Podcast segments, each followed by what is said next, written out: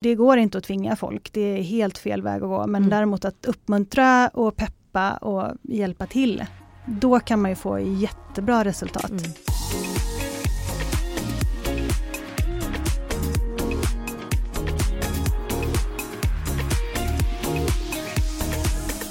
Det spelar ingen roll om det är Instagram, Facebook, Twitter eller LinkedIn. Jag har otroligt svårt för att dela med mig på sociala medier. Det är liksom som att det finns någon spärr bara. Hur eh, ser det ut för dig Julia? Jag tror jag är lite bättre på det här ändå, inte minst då på LinkedIn där jag är ganska aktiv. Vi måste ju dela våra grejer Thomas ju, som vi gör. Ut med det! Ja, jag vet och eh, det här är ju väldigt märkligt givet att vi, man, man publicerar texter flera gånger i veckan men så fort det handlar om något på eh, sociala medier står det något som står i vägen. Men jag är ju inte ensam om att känna så här, även om det såklart finns rätt många som eh, känner annorlunda. Mm, det är tur att alla inte är lika blyga som du är då. Innan vi eh, går in på det här vidare så tänkte jag att vi skulle presentera oss ju. Jag heter Julia och jag arbetar som redaktör på Resumé Insikt. Och jag heter Thomas Nilsson och jobbar som reporter på Resumé Insikt. Yes, och de senaste veckorna så har vi tittat på de som har blivit influencers för sina arbetsgivare, då så kallade medarbetarinfluencers. Sådana som på TikTok, Instagram, Twitter och LinkedIn då delar med sig av sitt arbetsliv och berättar vad som händer på jobbet helt enkelt och som styr bilden av varumärke som de arbetar på. De här kan ju ha hundratusentals följare trots då att de egentligen bara postar eh, om sitt jobb. Och det här är ju nästan som ett influencer marketing 2.0. Ja men verkligen, det är exakt samma logik som, som styr på inom vanlig influencermarknadsföring. Att det är mer intressant att följa en person än vad det är att följa ett företag. Mm. Och som person har man ju mycket mer svängrum då att uttrycka sig utan att det faktiskt blir konstigt. Det skulle liksom inte kännas så genuint då om man från en företagssida berättar om hur kul man har på jobbet eller deltar i en branschaktuell diskussion till exempel. Precis, alltså om det här funkar bra, vilket det faktiskt inte, det gör det inte alltid. Men om det gör det så blir det som en win-win situation både för den här personen och för företaget som han eller hon jobbar på.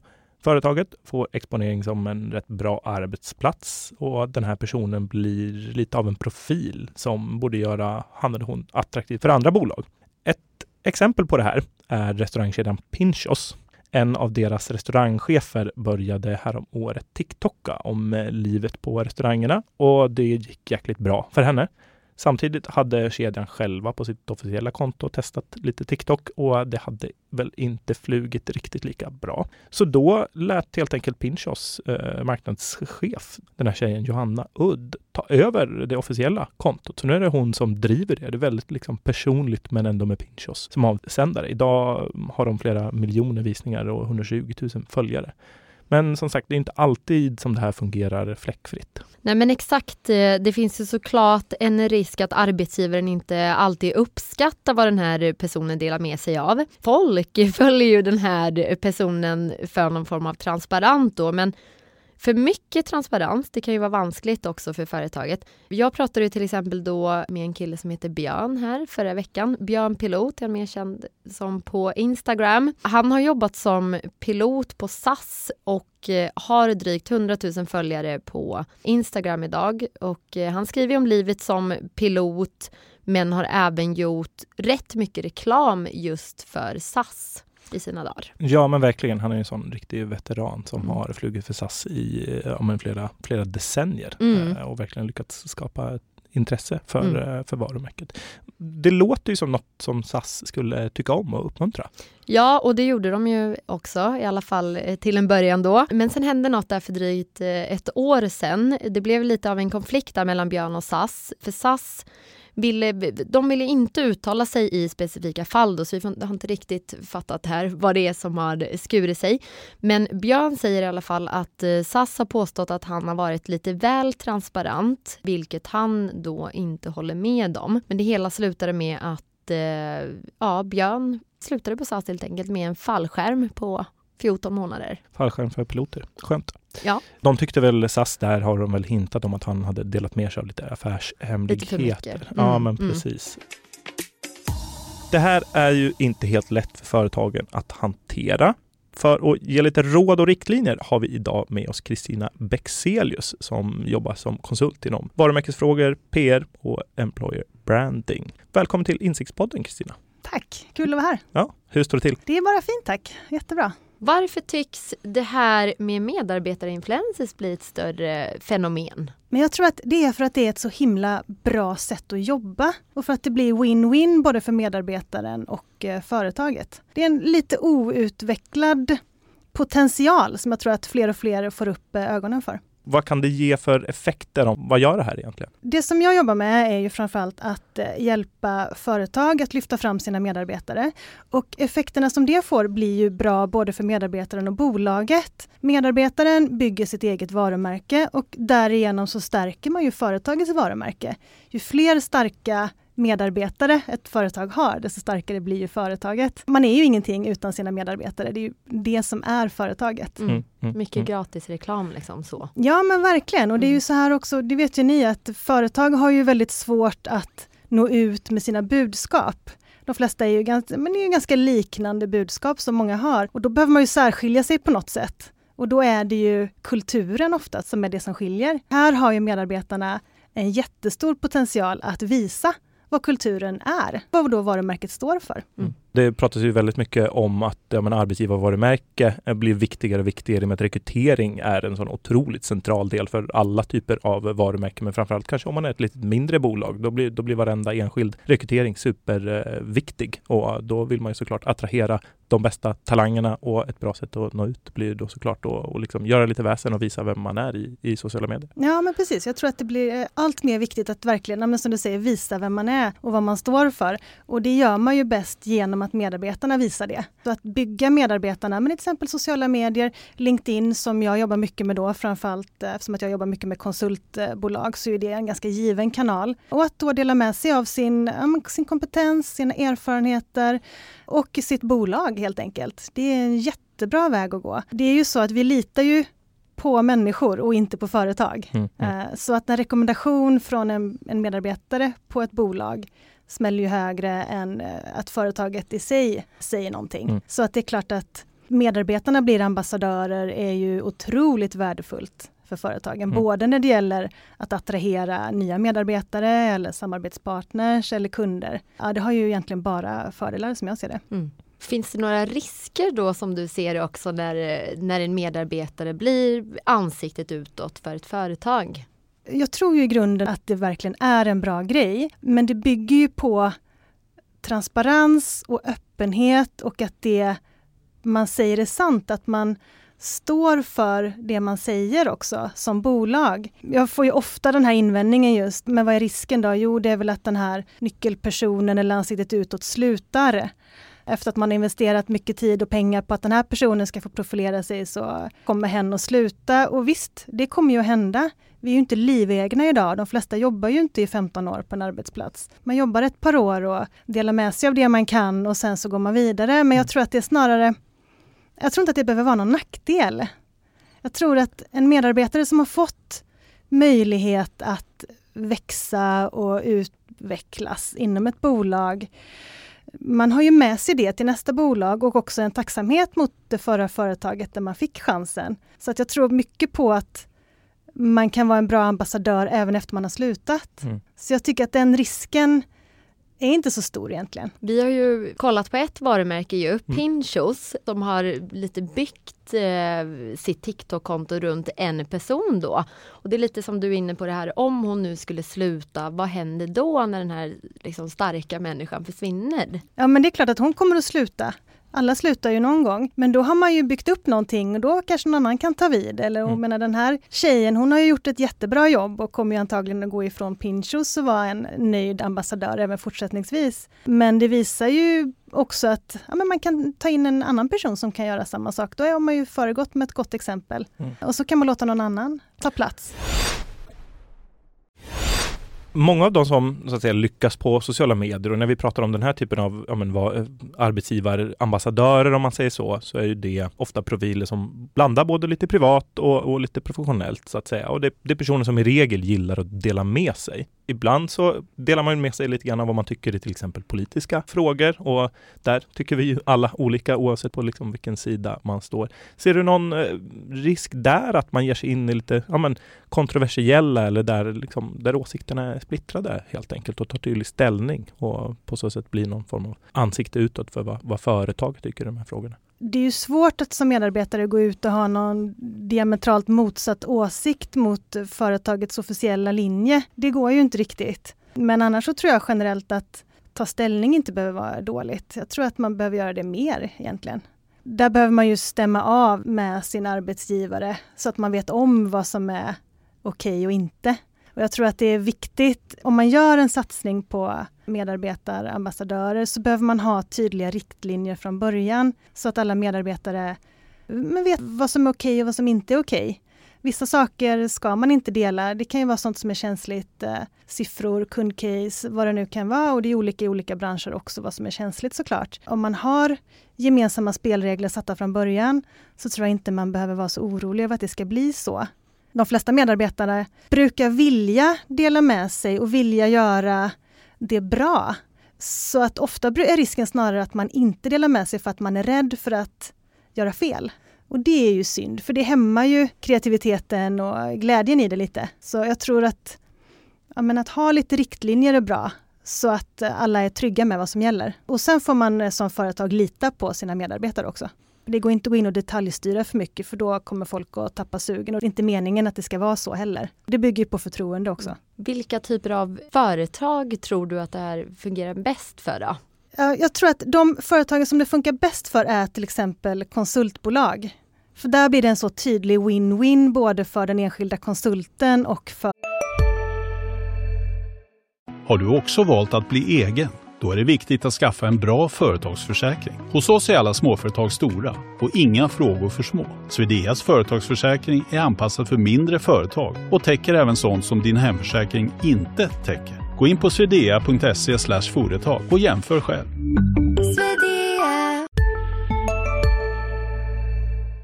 för eh, bolaget. Att ha ett konsultbolag med ett stall med starka varumärken är ju toppen verkligen. Och för konsulterna själva så är det ju också ganska givet att man behöver synas lite och att man vill dela med sig av sin kunskap och expertis. Så att, ja, men konsultbolag eh, tjänar väldigt mycket på det här skulle jag säga. Ja, några vi har tittat på, men till exempel eh, en pilot eh, på, på SAS. Det är ju flygplan och, och piloter, det är någonting, ja, det finns ett stort intresse kring det. Har de lättare att bygga i, i, så att säga intresse eh, för sig själva och för sitt bolag än vad till exempel ja, någon som håller på med värmesystem. Min, min pappa var värmes, värmesystemskonsult, så jag, jag, inget ont om... Menar du att värmesystem är tråkigt? Kanske lite, men eh, alla har olika åsikter. Man kanske eh, kan bli jättestor influencer. Det kan man absolut bli. Men, men eh, du förstår min fråga lite grann. Har man menar. olika förutsättningar? Ja men absolut, det är klart att man har jätteolika förutsättningar beroende på vilket jobb man har. Om det, det kanske är bildmässigt coolt eller sånt som folk är nyfikna på eller man jobbar på något superhäftigt bolag som alla vill vara på. Det är klart att man har det ganska väl förspänt då. Om man å andra sidan sitter på med någonting, vad ska jag säga nu som är tråkigt utan att göra bort mig? ja, vi går på värmesystemspåret ja, precis, som redan är ute. men jag tror snarare egentligen att man som då på det här lite tråkigare bolaget kan tjäna väldigt mycket på att använda sina medarbetare som ambassadörer. För att, ja, men vi tycker värmesystem kanske låter tråkigt, men de som jobbar där tycker ju inte det. Och de har ju säkert jättemycket coola historier och spännande grejer att berätta mm. och är ju jättebra på det de gör såklart. Så att om de kan visa det, så har ju de jättemycket att vinna på det. Så jag tror verkligen att de här, ja men om vi nu vågar oss på att säga lite tråkigare branscherna, kanske lite mer konservativa branscherna som inte riktigt är så vana vid det här. De har ju nästan mest att vinna på mm. att börja jobba på det här sättet. Man kanske kan bli mikroinfluencer? Ja. ja, men man kan verkligen det. Vi hade ett exempel på en stor revisionsbyrå. Där fanns det en kille som älskade moms. Oj. Oj. Kan man tycka är lite udda kanske. Han tyckte det var så kul med moms. Så han började blogga om moms, skrev artiklar, skrev inlägg och blev momsexpert. Mm -hmm. wow. Toppen, men verkligen mikroinfluencer. Ja, men ja. vill du veta något om moms? Ja, men då rätt bra att gå dit. Det kan vara hur nördigt som helst egentligen. Mm. Och snarare att man nischar sig så mycket som möjligt. Det finns ju många som gillar att dela med sig då men allmänheten kanske inte riktigt är lika sugna på att lyssna. Jag undrar lite hur man blir trovärdig och liksom hittar rätt balans i den här tonaliteten då? Det skämtas ju ganska mycket på LinkedIn att så här, ja, men, ja, det, det, det, finns så att säga en stereotyp eh, där, men och att alla mm. lyssnar kanske inte på, på alla. Det finns en jargong och man tränger inte riktigt igenom. Men Nej. hur hittar man det? LinkedIn-ninjan. Precis. Man ska ju vara den man är. Och när det gäller LinkedIn så finns det ju jättemånga olika ja, men det finns ju lika många åsikter om vad som är rätt som det finns eh, användare av LinkedIn. En del tycker att det här med att ha så många kontakter som möjligt, eh, nätverka vitt och brett med alla om allting. En del gillar ju det. Men kör, gör det. Men andra trivs ju inte alls med det utan eh, mycket mer smalare kanske. Och det är ju också helt okej. Okay. Så jag tror att nyckeln är väl att vara den man är. Är man eh, introvert och lite ja, men så, då, då är man det på LinkedIn också. Är man superextrovert, älskar nätverka, älskar mingla, ja, men då gör man det på LinkedIn.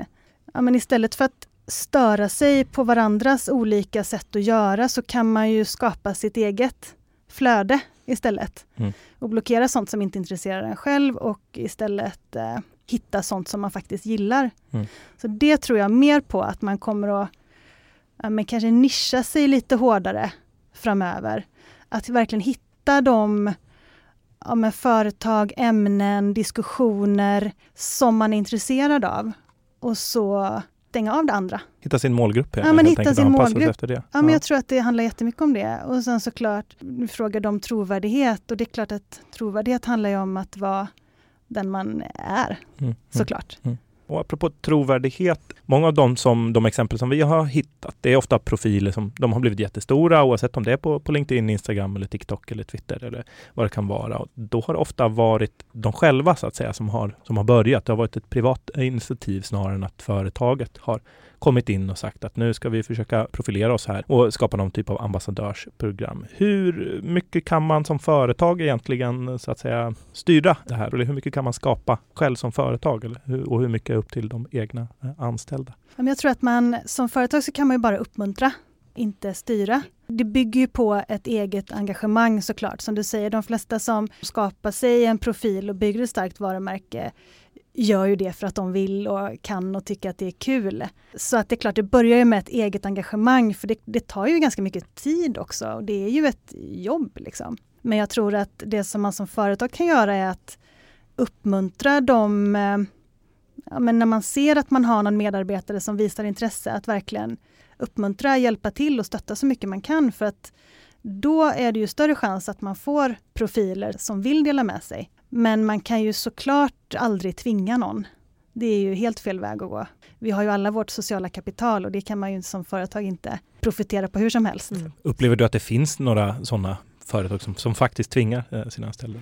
Ingen som jag har jobbat med, ingen som jag vet sådär spontant men, men jag vet ju att det, det finns ju en hel del sådana här ja, men incitamentprogram och det finns ju mjukvara för hur man ska dela och hur mycket man delar och vad det får för effekt och sådär. Och det behöver inte vara fel, men, men det kan ju upplevas som eh, påtvingat av medarbetarna. Mm. Mm. Det tror jag är det värsta misstaget man kan göra. Det går inte att tvinga folk, det är helt fel väg att gå. Men mm. däremot att uppmuntra och peppa och hjälpa till. Mm. Då kan man ju få jättebra resultat. Mm. Men inte heller styra innehållet då som arbetsgivare? Nej, inte för mycket i alla fall. Jag tror att det dödar ju intresset för det om man upplever sig styrd. Det är ju ingen som gillar att bli styrd. Tydliga riktlinjer för vad som är okej okay och inte, jätteviktigt. Men sen får man nästan ta ett steg tillbaka som företag och lita på sina medarbetare. De flesta vill ju göra bra och rätt och vill ju hitta ett bra sätt att jobba på. Och det är klart, det kan bli fel ibland, men det är inte heller hela världen. Vi är ju mänskliga på något sätt. Det mesta går ju att lösa. Jag tror inte man behöver vara så himla ängslig. Det är också lite sådär när man pratar med folk att man är livrädda för att trycka på publicera på LinkedIn och så säger man lite, ja fast du, du kommer ha ungefär åtta pers som läser det här så det kommer inte bli viralt. Liksom. Du behöver inte vara så orolig över det. Testa, det är lite som testa. du är Thomas. Ja, lite som jag är eh, faktiskt. Ja, men eh, publish-ångesten, den kan väl alla ha ibland. Ja. Men man kan också bara ta ett steg tillbaka och tänka, okej, okay, ja, det är inte jättemånga som nej. läser. Nej, nej. Har man tur är det ju det givetvis, men i början ofta inte. Jag, jag lovar att bättra mig Julia. ja, det göra. Policies har du pratat lite om, gör sociala medier policies. Tar du fram några sådana till företag? Ja, Det gör du. kan jag hjälpa till med, absolut. Ja. Det är olika för olika branscher såklart, hur reglerat det är och så. Mm. Men annars så mm, brukar det vara bra att ta fram eh, policies Mm. som, eh, som gäller för alla. Det ska vara så lite riktlinjer som möjligt egentligen. Mm. Just för att snarare uppmuntra istället för att eh, hindra. Men det är klart, vissa grejer är ju hard no och då det behöver man ju veta vilka de är. Mm. För vi har ju tittat lite på eh, offentlig sektor, hur ja, men policy ser ut för kommuner och ja, polisen och olika Mm. myndigheter. Liksom. Och eh, så har vi pratat med lite experter där, de kallar de här policyerna då för ganska usla faktiskt. Mm. Att de innehåller så här men inga konkreta råd utan mer så här övergripande mål typ och Ja. hur du ska bete dig i olika kanaler. Tycker du det och att man då ska ha med så konkreta situationer där i till exempel att vad gör vi om det här händer? Vad gör vi om den här konflikten uppstår i Ja. sociala medier? Jag har dålig koll på offentlig sektor får jag Mm. erkänna. Jag jobbar egentligen bara med privata bolag. Men som alltid så ju mer konkret desto bättre Mm. såklart. Eh, annars är det ju inte till hjälp för de som ska, som ska förstå. Man vill ju inte att det där ska ligga i skrivbordslådan liksom, Nej, gömt. Nej, verkligen inte. användas. Och, och det är klart att det är ju kinkigt med offentlig sektor kan det ju vara. Men så därför är det ju ännu viktigare att det verkligen blir jättetydligt. Mm. Mm. Och verkligen som du säger, men kanske ta konkreta situationer och exempel. Annars är det ju inte till hjälp. Och då kommer det ändå sluta med att eh, ingen vågar dela någonting. En annan eh, grej som så att säga skiljer lite offentlig och privat sektor var vi pratades vid häromdagen och då lyfte du eh, den här frågan med, med lojalitetsplikt. Där alltså de anställda enligt, enligt lag är skyldiga att sätta sin arbetsgivare i första rummet. Men hur, hur ser du på eh, den där liksom, lagstiftningen? Det här med lojalitetsplikt är intressant och jag tror att det är ganska många som inte riktigt känner till hur långtgående lojalitetsplikten är. Och lojalitetsplikten den behöver du följa oavsett om det står i anställningsavtalet eller inte.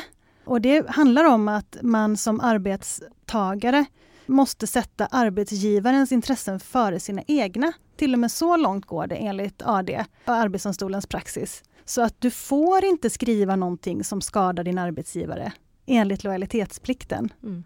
Jag tror att det är ganska många som inte riktigt har koll på hur omfattande den faktiskt är. Innan- vi började skriva om det här eh, så hade jag aldrig hört talas om den Nej, och blev här. förvånad över hur, hur, hur långtgående den var. Mm. Ja, men verkligen. Just för att vi har sån eh, stor yttrandefrihet här i, i Sverige. Ja, ja, Mm. men vi har ju det och det är bra. Men det kan vara bra att veta och känna till det att det faktiskt, du får inte skriva vad som helst om din arbetsgivare, även Mm. oavsett om det är sant eller du tycker så eller vad det nu kan vara. För det, skriver du någonting som skadar din arbetsgivare så har du brutit mot lojalitetsplikten. Och då kan du få sparken va? eller Ja, omplaceras. ja, Vad man, mm. ja. Mm. det blir väl inte finkan med vatten och bröd men, Nej. men Nej. du blir ju antagligen av med jobbet. Mm. Ja. Om vi ska börja runda av Mm. lite då. Har du några exempel på så här medarbetare, influencers eller ambassadörer och företag då som det har gått bra för på det här området? Det finns ganska många som är duktiga tycker jag. Ett bolag som jag gillar, eh, de heter Sinnode och jobbar med konsultbolag. De har verktyg för konsultbolag med hur man eh, beläggning av konsulter och eh, kompeten, deras kompetens och sådär. Och de är superduktiga tycker jag. Det är ju ett säljbolag såklart och de använder ju sig jättemycket av LinkedIn. Där vet jag att många av cheferna är otroligt aktiva och blir ju också då förebilder för medarbetarna. Så de gör ett jättebra jobb och de gör väldigt mycket bra innehåll också, om man ska säga, för branschen.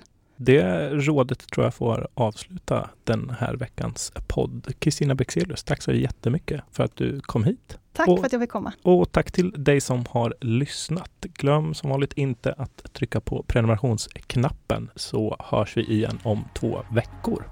Hej då! Hej då!